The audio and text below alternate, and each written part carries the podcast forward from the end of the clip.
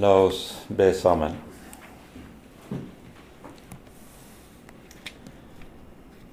Kjære gode og trofaste Herre, du vår Gud og vår Far.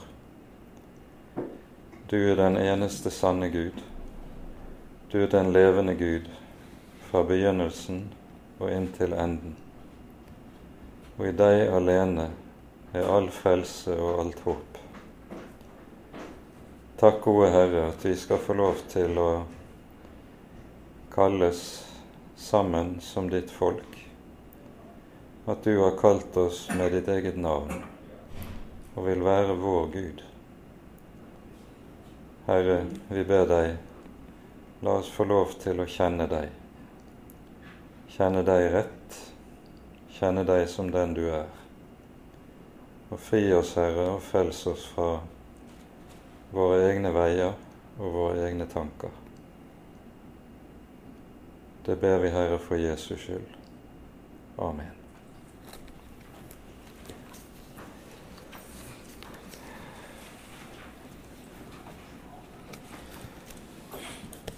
Som vi var inne på forrige gang, så er det da slik at eh, den siste delen av Jesaja-boken er delt i tre hovedbolker, eller tre hoveddeler.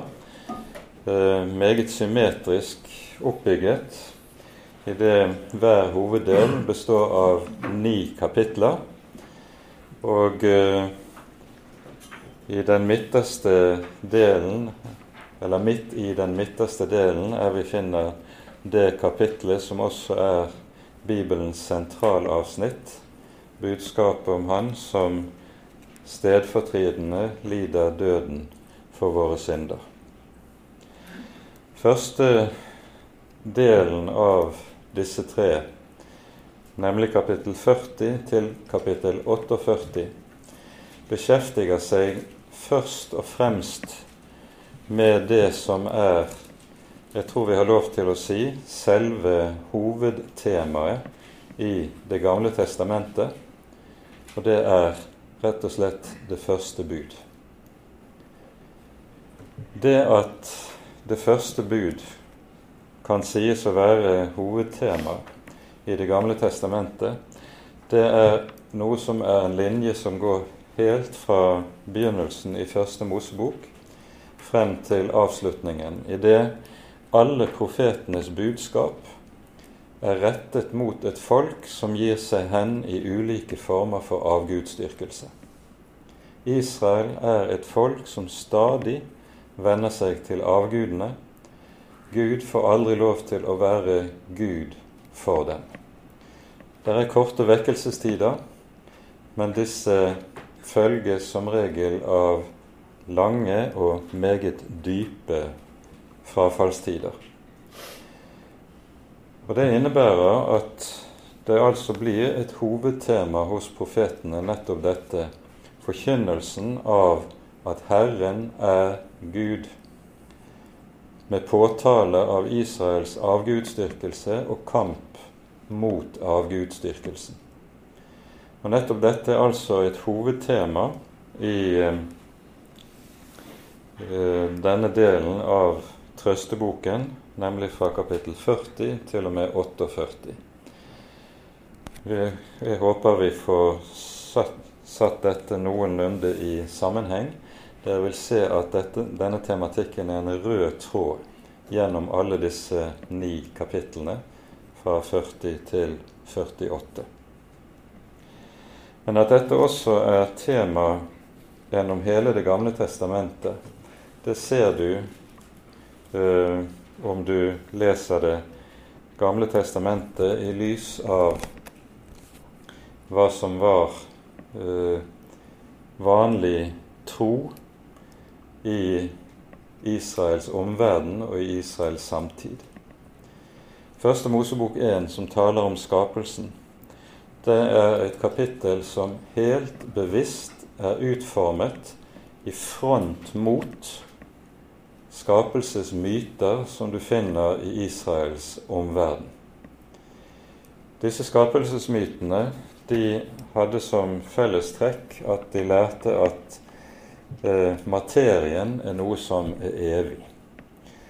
Eh, de av dere som holder avisen Dagen, har kanskje også lest en lærer, tidligere lærer på en av høyskolene, Arne Takst, som hevder at skapelsesberetningen i Første Mosebok den er delvis en avskrift av en skapelsesmyte fra Babylon. Denne skapelsesmyten heter Enoma Elish. Eh, men vet du hva denne skapelsesmyten dreier seg om, så vil du se at det er det stikk motsatte som er tilfellet. I denne skapelsesmyten er det slik at det som er i begynnelsen, det er urhavet. Og dette er todelt i salt og i ferskt vann.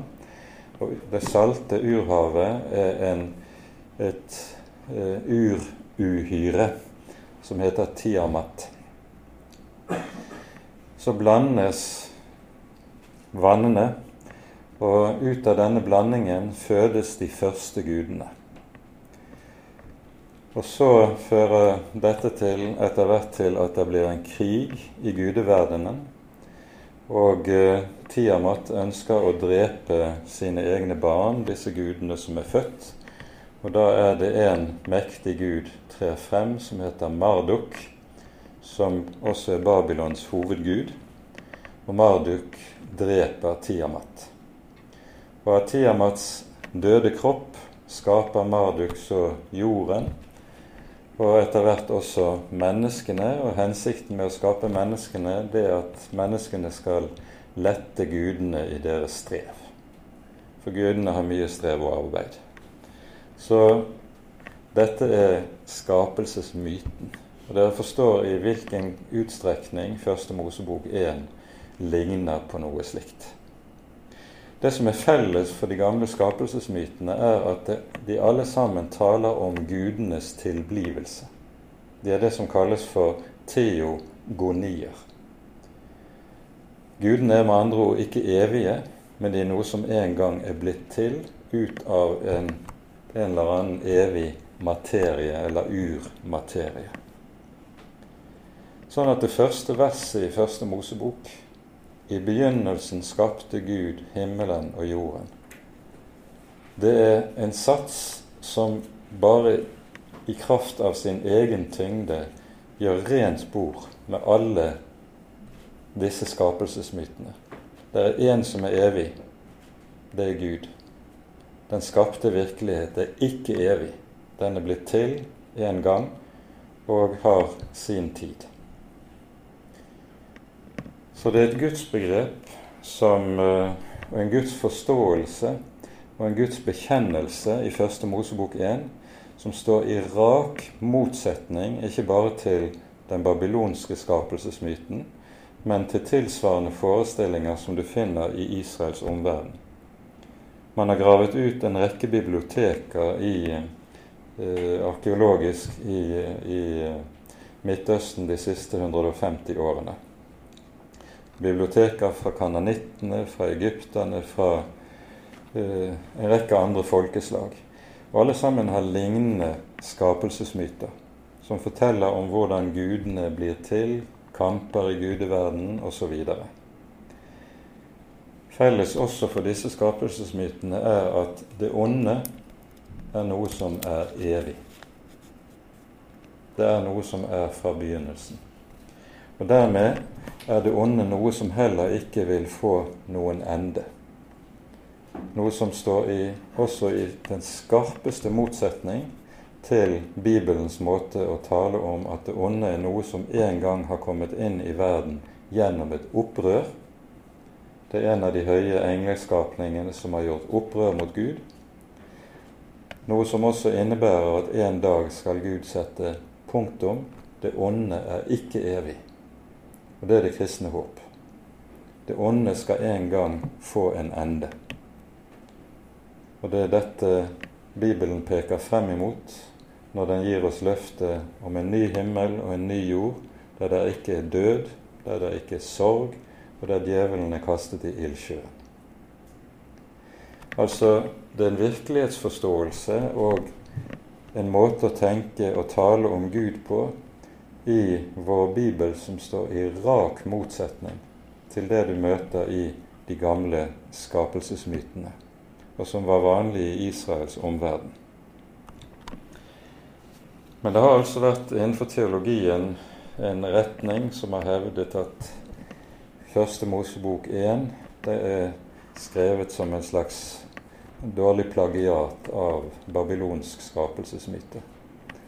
Når du vet hva det handler om, så vet du hvor lite hold det er i en slik måte å tenke på. Og så videre fra første Mosebok av og utover så er det samme sak det handler om hele veien. Der Herren åpenbarer seg, trer frem, kaller et folk for sitt navn, som skal kjenne ham og bære hans ord og hans navn ut til folkeslagene. Og Nettopp denne tematikken er det vi nå møter i kapittel 41 hos Jesaja. Vi leser. Og vi tar oss tid til å lese fra vers 1 til og med vers 20 i kapittel, kapittel 41. Ti stille og hør på meg, dere fjerne kyster. Og dere folk, la dem iføre seg ny kraft, la dem komme hit og så tale. La oss sammen tre frem for retten. Hvem reiste opp en fra Østen i rettferdighet og kalte ham til sin fot? Han gir folkeslag i hans vold, og la ham herske over konger. Han gjør deres sverd til støv, deres bue til strå, som føres bort av vinden. Han forfølger dem, drar frem i trygghet på en sti han før ikke kom med sine føtter. Hvem utrettet og gjorde dette? Han som kalte slektene frem fra begynnelsen. Jeg, Herren, er den første, og hos de siste er jeg også. Fjerne kyster ser det og frykter. Jordens ender bever. De rykker frem og kommer. Den ene hjelper den annen, og til sin bror sier han, vær frimodig. Treskjæreren setter mot i gullsmeden, og han som glatter med hammeren, oppmuntrer ham som hamrer på ambolten. Og han sier om loddingen, den er god. Han fester bildet med spiker for at det kan stå støtt. Og du, Israel, min tjener, Jakob, som jeg utvalgte, etling av min venn Abraham. Jeg tok deg ved hånden og hentet deg fra jordens ender, og kalte deg fra dens ytterste kanter, og jeg sa til deg, du er min tjener. Jeg har utvalgt deg og ikke forkastet deg. Frykt ikke, for jeg er med deg. Se deg ikke engstelig om, for jeg er din Gud. Jeg styrker deg og hjelper deg og holder deg oppe med min rettferds høyre hånd. Se, de skal bli til spott og skam, alle de som harmes på deg. De skal bli til intet og gå til grunne, de menn som tretter med deg. Du skal søke dem og ikke finne dem, de menn som krangler med deg. De skal bli til intet og til ingenting, de menn som fører krig mot deg.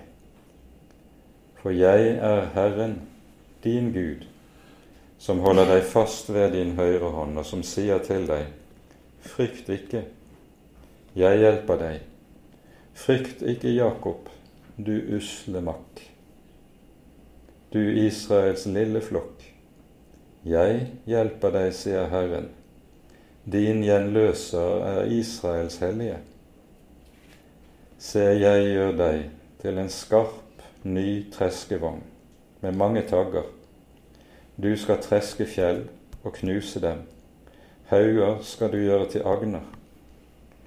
Du skal kaste dem med skovl, så vinden fører dem bort og stormen skal spre dem.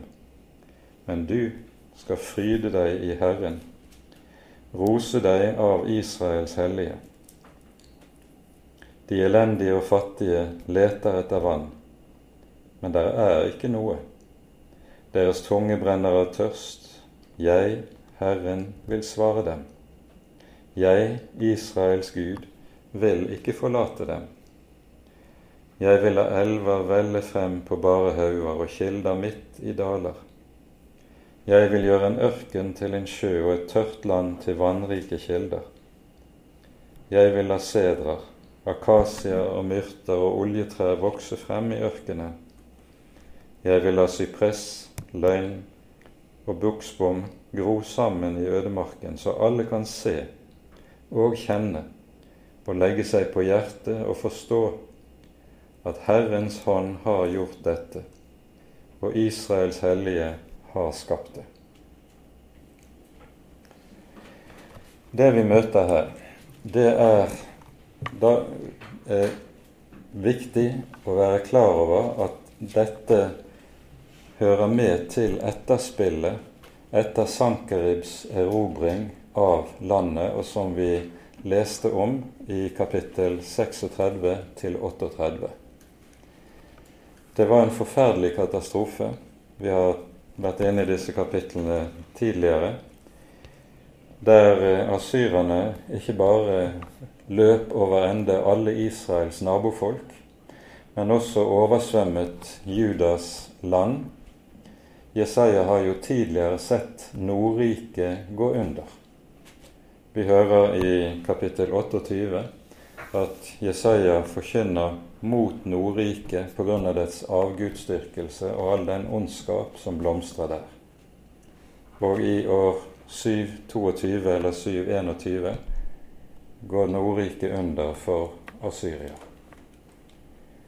Og så, en del år senere, i år 701, er det at Sankerib med sin veldige hær rykker vestover og oversvømmer hele det som vi i dag kaller for Midtøsten. Alle småkongedømmene rennes over ende. Og Juda land, Sydriket, likeså. Og som vi har pekt på, dette står det rikelig om i de asyriske analene som man har funnet arkeologisk, og som i detalj bekrefter Bibelens beretning her. Hele Judaland erobres 46 byer legges i ruiner. Jerusalem alene blir spart. Jerusalem blir berget. Og så er det at trøsteboken kommer som et Herrens ord til et folk som er så dypt trengt og har opplevd en slik katastrofe. Landet er blitt en ørken etter asyrernes herjinger. De siste versene vi leste, i, fra vers 18 og 19, de peker nettopp på dette. At det land som er blitt en ørken under asyrernes herjing, på ny, ved Herrens inngripen, skal blomstre og bli fruktbart og bli til bolig for folk. Herren lover det. Og Det vi skal merke oss her, det er at denne trøstetale som vi møter fra vers 8 av og utover, den er helt karakteristisk for det vi ser i Bibelen. Når Guds folk opplever Herrens tukt, dom og trengsel, så kommer Herren etterpå med sin løfte, med sin nåde og med sin trøst. Når folket er selvtilstrekkelig og lever i rikdom og herlighet, da må de ofte møte Guds domsord, mens når de motsatt står under dommen, da kommer evangeliet med et trøsteord. Så det er i denne fortvilede nødsituasjonen som folket er i, utarmet under asyrernes herjinger, at disse ordene, trøsteordene, kommer til folket. Kapittelet begynner med en oppfordring til at Herren tilbyr seg å stille opp i en rettsprosess og få prøvet sin sak. La oss tre sammen komme frem for retten. Dette vender eh, profeten tilbake til i vers 21, og vi hører samme tematikken dukke opp også i kapittel 43 og et par andre steder videre utover i samme del av boken. Og Rettsprosessen handler om én ting. Gud tilbyr seg og sier til avgudsdyrkerne, kom og fortell hva dere har sagt, hva dere har gjort. Har dere forutsagt det som nå skulle skje, og så sett det skje? Avgudene har ingenting å komme med. Mens Herren på sin side ved profeten vitner, jeg har sagt det før det skjedde. Nå har dere selv sett at dette har gått i oppfyllelse. Og så er dette at Herren har talt om det som skal skje, og at det så går i oppfyllelse, det er Herrens vitnesbyrd for den, i denne rettsprosessen. I vers 2 hører vi hvem reiste opp en fra Østen i rettferdighet og kalte ham til sin fot. Han gir folkeslag i hans vold, lar ham herske over konger gjør deres sverd til støv, deres bue til strå, som føres bort av vinden. I de fleste bibler står det da en bemerkning under at her handler det om Kyros. Men Kyros opptrådte ikke på arenaen i Midtøsten før 160-70 år senere. Det det taler om her, er Sankerib. Asyrernes konge, som nettopp nå har ført denne ødeleggelse inn over landet som de har sett.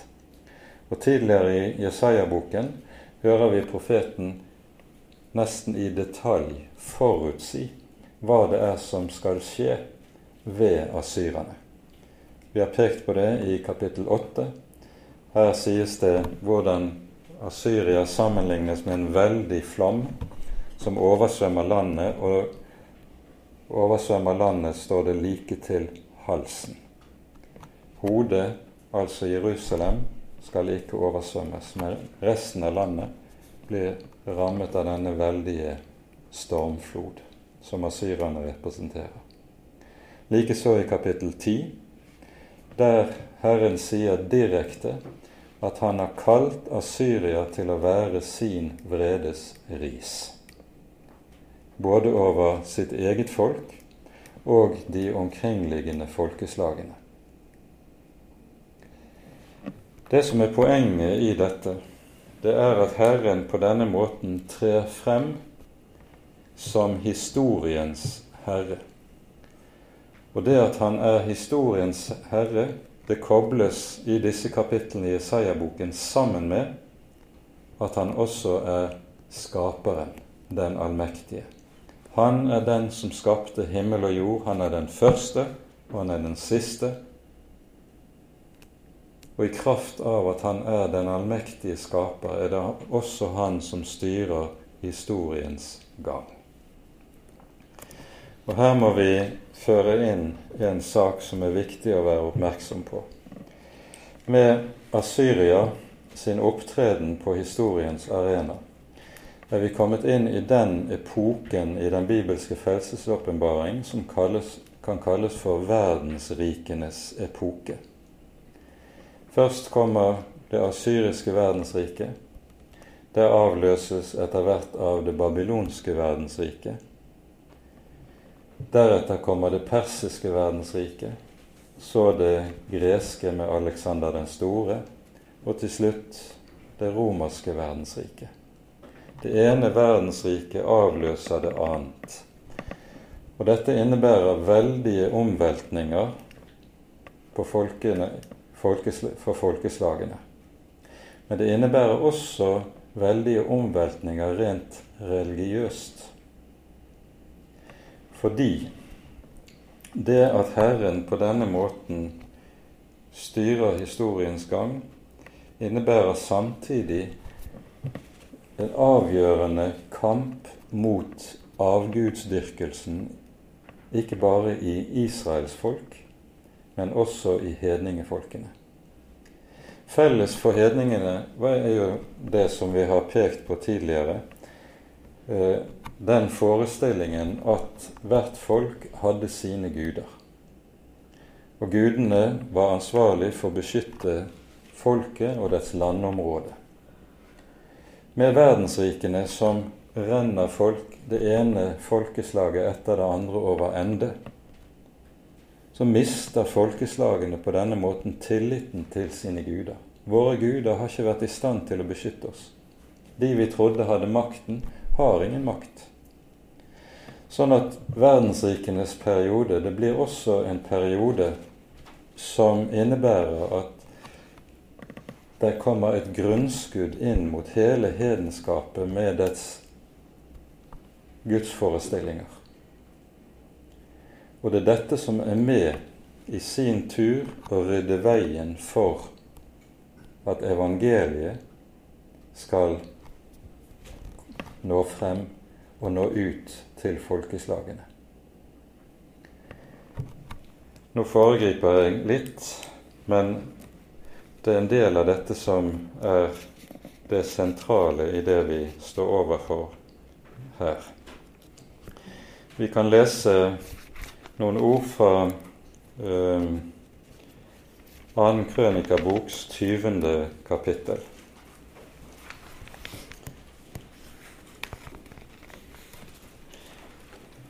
Her er det slik at Guds folk står under angrep av en veldig hær som faller inn fra øst i kong Josafats tid. Og så hører vi hvordan Josafat vender seg til Herren i sin hjelpeløshet og fortvilelse under dette. Vi leser Josafats bønn fra eh, vers 5 av i 2. Krønikaboks 20. kapittel. Da sto Josafat frem blant dem som var kommet sammen fra Juda og Jerusalem i Herrens hus foran den nye forgården, og han sa, Herre, våre fedres Gud, er det ikke du som er Gud i himmelen? Du råder over alle folkene og deres riker. I din hånd er kraft og velde, det er ingen som kan holde stand mot deg. Har ikke du, vår Gud, drevet dette lands innbyggere ut for ditt folk Israel? Og så hører vi om hvordan tilliten til Herren, som den som innsetter konger og avsetter konger, er det som styrer bønn. Og Josafat blir så også bønnhørt. De blir reddet fra fiendene ved denne anledning. Det som er fortvilelsen for Israel under Syria, er at på denne tid så har Guds folk i stedet for å søke Herren, søkt til avgudene. Og så har Herren nettopp som frukt av dette latt dem beseires av asyrerne. Og gjennom dette så har Gud demonstrert for folket at avgudene som de har satt sin lit til, er det ingen hjelp i. De har ikke kunnet berge dem, de har ikke kunnet redde dem. Tvert om, ifølge profetenes budskap, så det er det at de har søkt avgudene, som har ført ødeleggelse over dem. Og så er det Herren nå fører sak mot folket. Har dere ikke hørt hva jeg har talt? Har dere ikke sett hva jeg har gjort.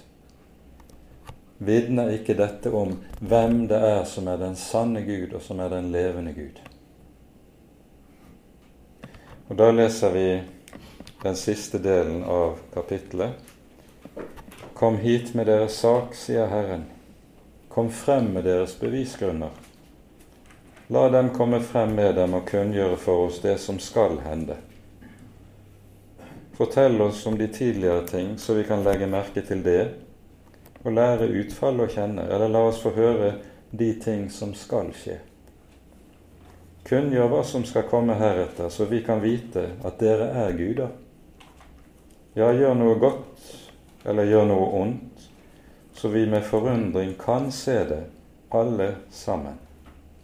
Se, dere er intet, og deres gjerninger er ingenting.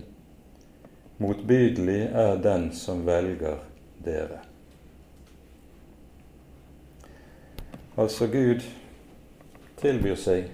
Kom og vitne, fortell hva dere har sagt, hva dere har gjort. Kan dere dokumentere at dere kjenner fremtiden? Kan dere dokumentere at dere har sagt hva som skal skje? Herren har sagt det. Herren har vist det. Nå er det gått i oppfyllelse. Det er dette som er argumentasjonen. Og dette vendes, hører vi igjen og igjen i de følgende kapitler. Samtidig gjøres det narr. Rett og slett det gjøres narr av avgudene og avgudsdyrkelsen. Vi hører et, en liten uh, utsnitt om det i vers 6 og 7 i det vi har lest. Den ene hjelper den annen, og til sin bror sier han, vær frimodig. Treskjæreren setter mot i gullsmeden. Her er det sånne som lager avgudsbilder. Avgudsbildene skal jo hjelpe dem mot Assyria. Men hva er det? Og så bygger de sine avgudsbilder og sier 'vær frimodig'. Nå har vi en Gud vi kan stole på. Men Guden må festes med spiker til veggen for at han ikke skal velte. Er det en Gud? På denne måten gjør profeten narr av avgudene og avgudsdyrkelsen. Du kan møte tilsvarende igjen f.eks. i kapittel 46. Her leser vi fra innledningen av kapittelet slik. Bel synker sammen, Nebo faller om. Deres bilder blir overgitt til dyr og fe. De som dere bar, legges som en byrde på de trette dyr. De faller om, de segner alle sammen. De kan ikke redde byrden, og selv går de bort i fangenskap. Altså avgudene, avgudsbildene, store bilder som Tunge de er gjerne laget av edle metaller eller edeltre som må bæres av dyr i prosesjon gjennom byen. Og så svarer Herren i de følgende versene.: Hør på meg, dere av Jakobs hus, og alle dere som er blitt igjen av Israels hus, dere som er lagt på meg fra fødselen av, som jeg har båret fra mors liv av. Like til deres alderdom er jeg den samme, og til dere får grå hår vil jeg bære dere. Jeg har gjort det, og jeg vil fremdeles løfte dere. Jeg vil bære og redde dere. Avgudene er byrder som må bæres. Herren er den som selv bærer sitt folk. Herren må ikke bæres og oppebæres av noe menneske. For han er ikke avhengig av noe menneske. Men vi er avhengig av ham, at han bærer oss. Og slik er det profeten kan sette det opp imot hverandre, avguder opp imot Herren på den, på den annen side. Det at Israel stadig faller ned i avgudsdyrkelsen. Det er det som er årsaken til Israels ulykke, og som er hovedmålet for profetens omvendelsesbudskap. Et veldig kall til omvendelse tilbake til Herren. Nå ser dere hva Herren har gjort. Vend tilbake, du frafalne Israel. Det er det som lyder i disse kapitlene. Og det, Da er det ikke tilfeldig, det vi har lest i, eh, eh, fra vers 9 av og utover. Her minner Herren om hvorledes han har kalt sitt folk Israel, og hva som er formålet med dette kall. Jeg tok deg ved hånden du Israel, min tjener, Jakob, som jeg har utvalgt, etling av min venn Abraham, jeg tok deg ved hånden og hentet deg fra jordens ender og kalte deg fra dens ytterste kanter. og jeg sa til deg, du er min tjener. Jeg har utvalgt deg og ikke forkastet deg. Når Israel kalles Guds tjener to ganger, som vi hører i disse versene, så er det med tanke på det som lyder allerede når Abraham kalles. Ved deg skal alle jordens slekter velsignes, sies det i Første Mosebok 12, når Herren kaller Abraham ut fra Ur i Kaldea. Det som er Israels kall, er det som vi leser i kapittel 2 i Jesaja-boken, der det står at på det, den tid, i de siste dager, skal Jerusalem og Herrens hus være grunnfestet på toppen av fjellene. Og fra Jerusalem skal Herrens ord utgå, og alle folkeslagene skal komme, strømme til Herrens hus og si til hverandre:" Kom, la oss gå opp til Herrens hus, for at Han kan lære oss sine veier, og vi kan ferdes på hans stier. Det var Israels kall.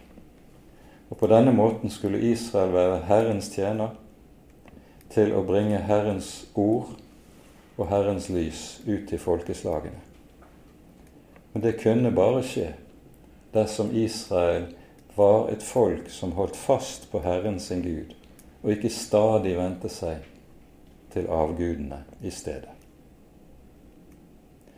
Men fordi folket gjør dette, så lyder det om igjen og om igjen i Det gamle testamentet at Jakob er hårnakket. Allerede når eh, Israel gjør synden med gullkalven, hører vi i 2. Moseboks 32. kapittel at Herren sier jeg har lagt merke til dette folk. Det er et hårnakket folk. Og hårnakketheten slår på ny og på ny ut i at Israel dyrker andre guder i stedet for Herren. Første bud lyder Jeg er Herren din Gud, som førte deg ut av Egyptens land, av trellehuset. Du skal ikke ha andre guder enn meg. Når det sies 'du skal ikke ha andre guder enn meg', så vet folket hvem Herren er, for de har sett hans gjerninger. Han er den som har ført dem ut av trellehuset, med sterk hånd og med utdrakt arm, fridd dem fra Egypt ved store undergjerninger. Folket vet det, og de har sett Herrens gjerninger og allikevel går dansen rundt gullkalven. Jeg har latt merke til dette folk. Det er et hårnakket folk, sier Herren. Og det dette hårnakkede folk Herren har å stri med hele veien gjennom Det gamle testamentet. Det er hovedinnholdet i profetenes kamp gjennom Det gamle testamentet.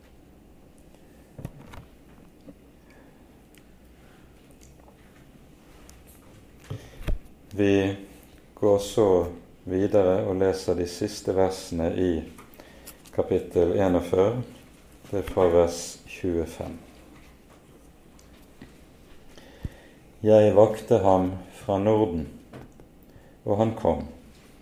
Fra solens oppgang kom han som skal påkalle mitt navn. Han skal trampe på fyrster som om de var leire lik en pottemaker som elter leire. Hvem har kunngjort dette fra begynnelsen av, så vi kunne vite det, fra fordums tid, så vi kunne si han har rett. Ingen har kunngjort noe, ingen har forkynt noe, ingen har hørt dere si noe. Jeg er den første som sier til Sion, se, se, der er de, og som sender Jerusalem et gledesbud. Jeg ser meg om, men der er ingen. Ingen av dem kan gi råd, så jeg kunne spørre dem, og de gi meg svar. Se dem alle. Deres gjerninger er ingenting verd. Deres støpte bilder er vind og tomhet. Det som nå nemlig forkynnes fra vers 25, er at nå tales det ikke lenger om Sankerib, som bakte denne veldige ødeleggelse over landet. Nå prekes det frem mot Han som en dag skal tre frem og fri folket fra fangenskap. Og nå er det tale om Kyros. Kyros navn gis så i um, slutten av kapittel 44 i begynnelsen av kapittel 45. Han er perserkongen som gjør ende på den babylonske verdensmakten og gjør Persia til det nye verdensrike. Og Kyros er den som sørger for at folket som var i fangenskap i Babylon, får vende tilbake til Jerusalem og gjenreise helligdommen i Jerusalem. Og vi legger merke til at her sies det uttrykkelig hvem har kunngjort dette fra begynnelsen av. Nå understreker Herren på ny han er den som forkynner dette før det skjer. Og så kan de se det når det skjer. Da vil gledesbudene komme. Og Da må vi lese noen vers fra um, Esras bok, første kapittel.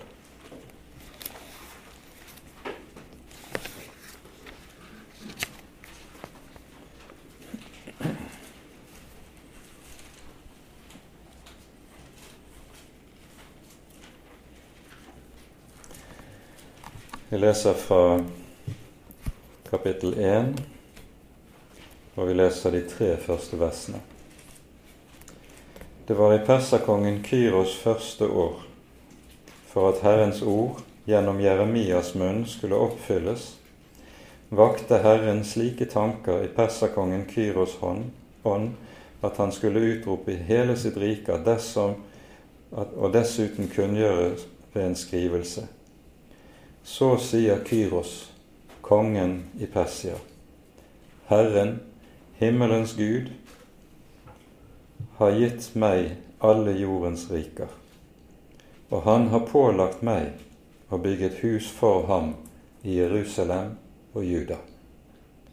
Er det noen blant dere som hører til hans folk, må så hans Gud være med ham. Han kan dra opp til Jerusalem og Juda og bygge Herrens Israels Guds hus. Han er den Gud som bor i Jerusalem. Det vi legger merke til i denne sammenheng, dette skjer i år 538 før Kristus. Da er det at Kyros erobrer Babylon og overtar verdensherredømme, herredømme over den da kjente verden. Ehm, det sies her at Herrens ord gjennom Jeremias munn skulle oppfylles. Det henvises altså ikke til Jesaja, men til Jeremia. Og hva er det hos Jeremia det sikter til?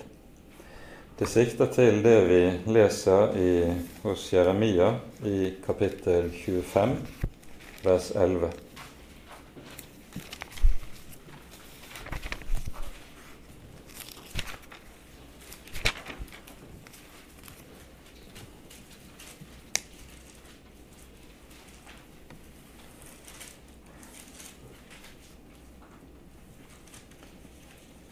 Her er det et ledd i Jeremias domsforkynnelse.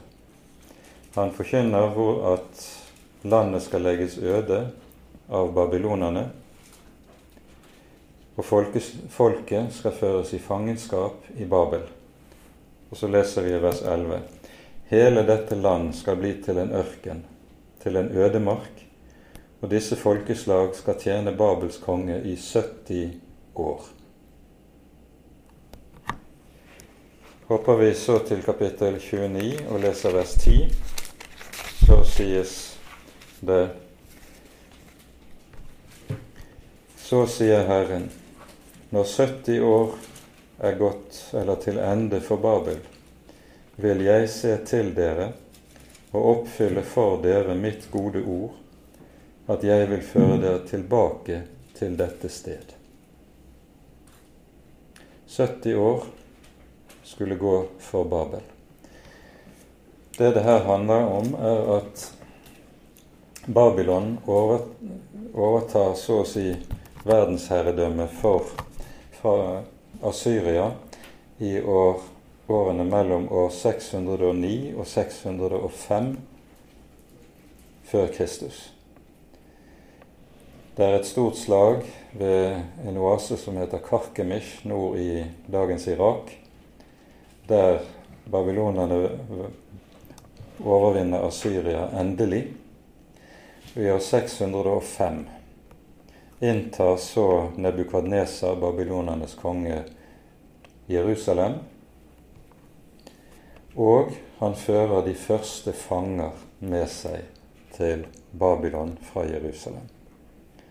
Så Babylon skal ha dette sitt verdensherredømme i 70 år. Men når 70 år er til ende, da lover Herren Israel skal få komme tilbake. Og Nettopp dette skjer altså, og dette er også rikelig dokumentert ut, i utenombibelske kilder, hvorledes Israel får vende tilbake i årene 538-537 til Jerusalem og starte gjenreisningen av helligdommen i Jerusalem.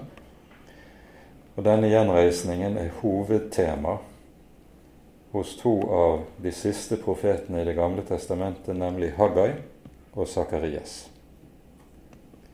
Uten at vi skal gå videre inn på akkurat det.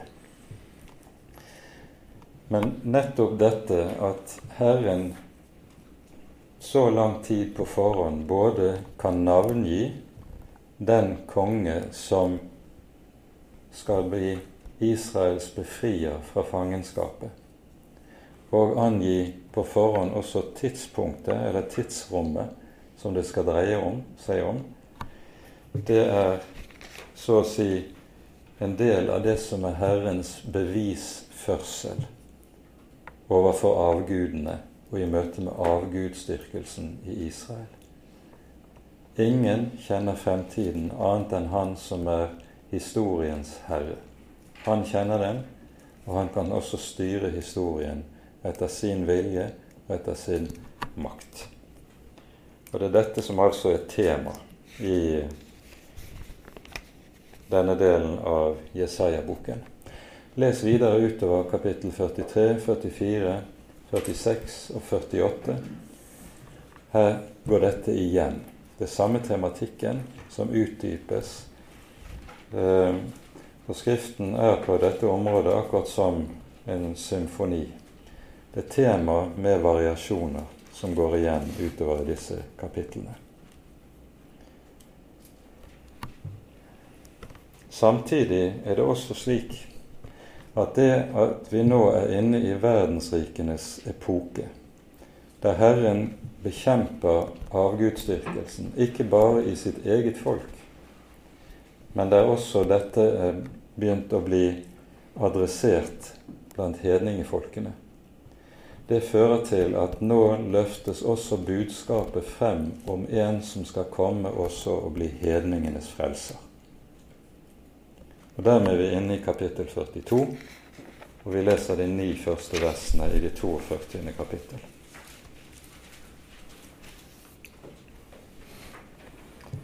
Se, min tjener som jeg støtter, min utvalgte som min sjel har velbehag i. Jeg legger min ånd på ham, han skal føre rett ut til hedningefolkene. Her er det ikke tale om at retten skal føres inn i Israel, men det er til hedningefolkene. Han skal ikke skrike og ikke rope.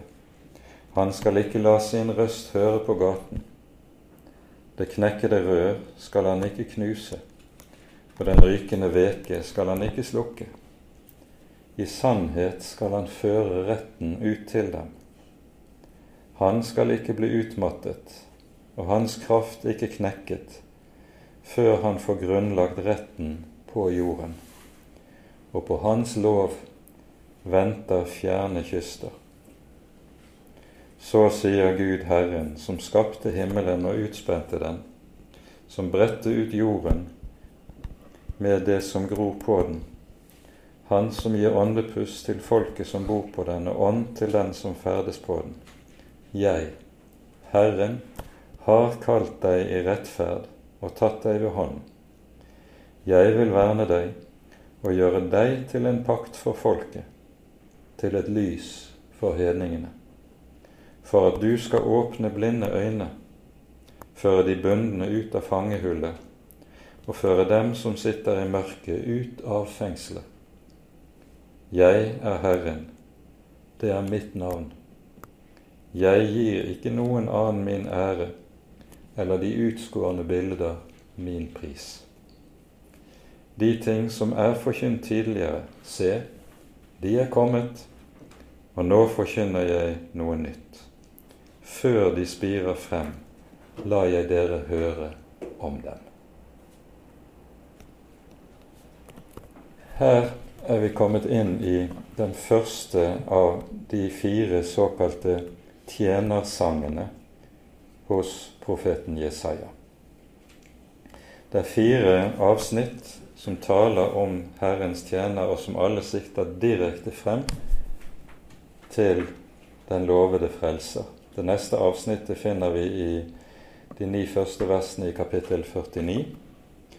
Så det tredje avsnittet kommer i kapittel 50, vers 4-9. Og det siste avsnittet er så avsnittet fra kapittel 52, vers 13, og ut kapittel 53. Og her er det vi møter de Messias-profetiene som siteres gjentatte ganger i Det nye testamentet, og som kanskje aller klarest taler om den lovede frelse og hva den dreier seg om. Dette er den første av disse. Vi kommer til å komme til de øvrige senere. Men dette er altså den første av disse fire såkalte tjenersangene. Og Det vi hører om denne tjeneren, er at han skal opptre i motsetning til de voldsherskerne som er konger i verdensrikene, og som tidligere har opptrådt på arenaen. Enten det er en Sankerib eller det er en Kyros. Han er en konge av en annen art. For det første Herren har lagt sin ånd på ham. For det andre han skal ikke skrike og ikke rope. Han er en som går frem i stillhet, ikke med makt og med vold. Ikke med hærens og krigens larm, som vi hører om de øvrige. Og så er det han den som har hjerte for det knekkede rør og det rykende veke. Altså slike mennesker som livet er gått i stykker for, og som ikke er i stand til å hjelpe seg selv. Han har hjerte for de ringe. Verdensherskerne de bruker de ringe og de små som kanonføde. Denne konge er der stikk motsatte, som nettopp har hjerte for de små, de hjelpeløse, de fattige. Og I dette er det vi ser Kristi portrett, klart og tydelig. Dette er malt for oss meget tydelig i en av salmene i Salmenes bok, nemlig Salme 72, uten at vi har tid til å gå nærmere inn på det. Der males nettopp den kommende frelser for oss som den som tar seg av de små. Når det sies om ham at 'jeg legger min ånd på ham', så er dette noe som knytter tilbake til det ellevte kapitlet i Jesaja-boken. Det er jo den avsluttende profetien i den delen av Jesaja-boken som vi kaller Immanuelsboken, der vi i kapittel 11 hører om Herrens spire, der det sies 'Jeg legger min ånd på ham', visdoms- og forstandsånd, råds- og styrkesånd, den ånd som gir frykt for Herren og kjennskap til ham. Og nettopp dette trekket at Messias skal være utrustet med Herrens ånd. Det går også igjen både her og i kapittel 61, der vi møter den siste profetien av denne art. Disse versene som vi her har lest, de siteres flere steder i Det nye testamentet. De siteres i, ganske utfyllende i Matteusevangeliets tolvte kapittel, men de er særlig betydningsfulle fordi det er dette avsnittet det vises til i forbindelse med Jesu dåp. Når Jesus døpes i Jordan, hører vi om Ånden som stiger ned over ham som i en dues skikkelse, og så lyder Faderens røst fra det høye. Du er min sønn, den elskede. I deg har jeg velbehag. Og Disse ordene de knytter direkte her til vers 1 i Jesajas 42, og kombinerer disse ordene med et vers i Salme 2. Leser Salme 2 og Jesajas 42 sammen og kombinerer dem. Sånn at Faderen selv, Gud, når han vitner om sin sønn, så gjør han det ved å hente et ord fra profeten Jesaja, og på denne måten så peker Faderen for oss på profetens budskap og sier her ser dere min sønn åpenbart. Her ser dere min frelse forklaret og tegnet for dere. Og så viser Faderen på denne måten til Skriftene. Det sies altså 'Han skal føre rett ut til hedningefolkene'. Det som var Israels kall, var jo nettopp dette.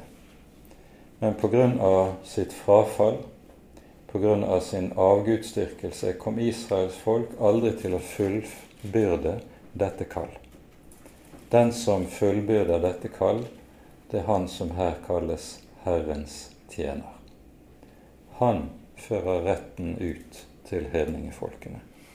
Og han er det vi har lært å kjenne som vår Herre og Frelser Jesus Kristus. På Hans lov venter de fjerne kyster, står det. Ordene her for vente, det kan også oversettes å håpe. Det hebraiske ordet for å vente og håpe er det samme ordet.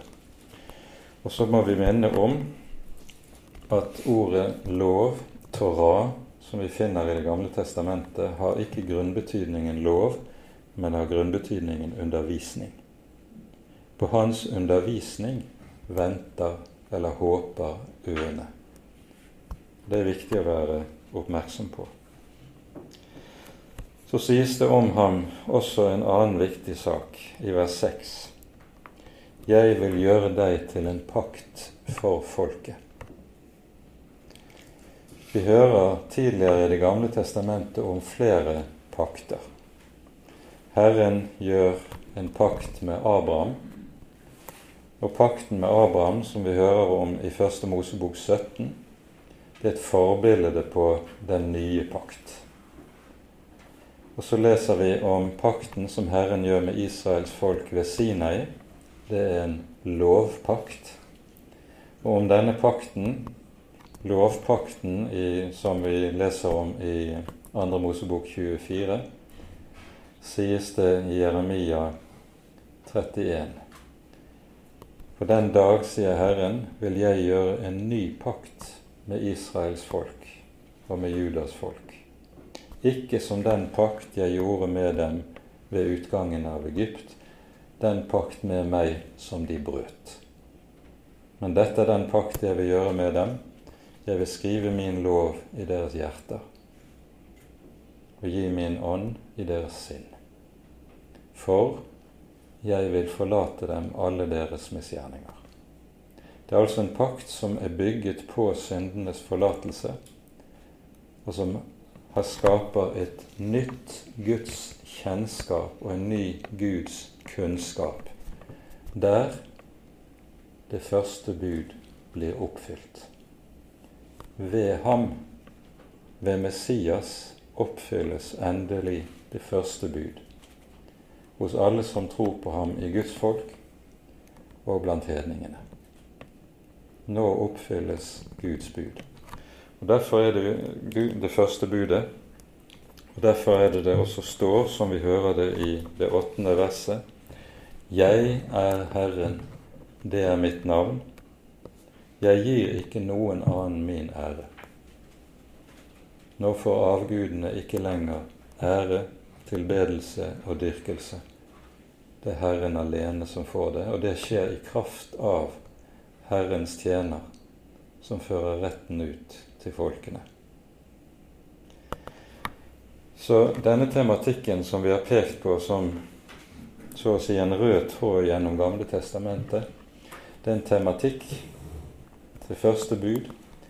Det finner sin endelige oppfyllelse i Messias komme, og der han blir tatt imot blant folkeslagene.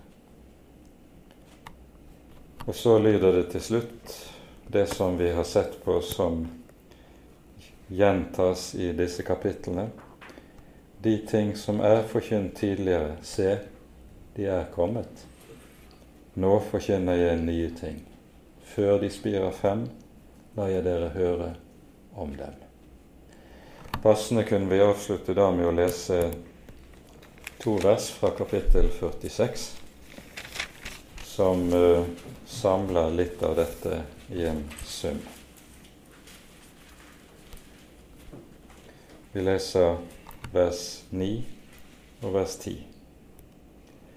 Kom i hu de første ting fra evighet. Jeg er Gud og ingen annen. Jeg er Gud, og det er ingen som jeg. Jeg som fra begynnelsen forkynner enden, fra fordumstid det som ikke er skjedd. Det er jeg som sier mitt råd skal bli fullbyrdet, og alt det jeg vil, det gjør jeg. Det nye testamentet er beretningen om hvorledes Guds råd er fullbyrdet. Og Med det setter vi punktum for dagens bibeltime. Ære være Faderen og Sønnen og Den hellige ånd, som var og er og være skal, en sann Gud, høy lovet i evighet. Amen.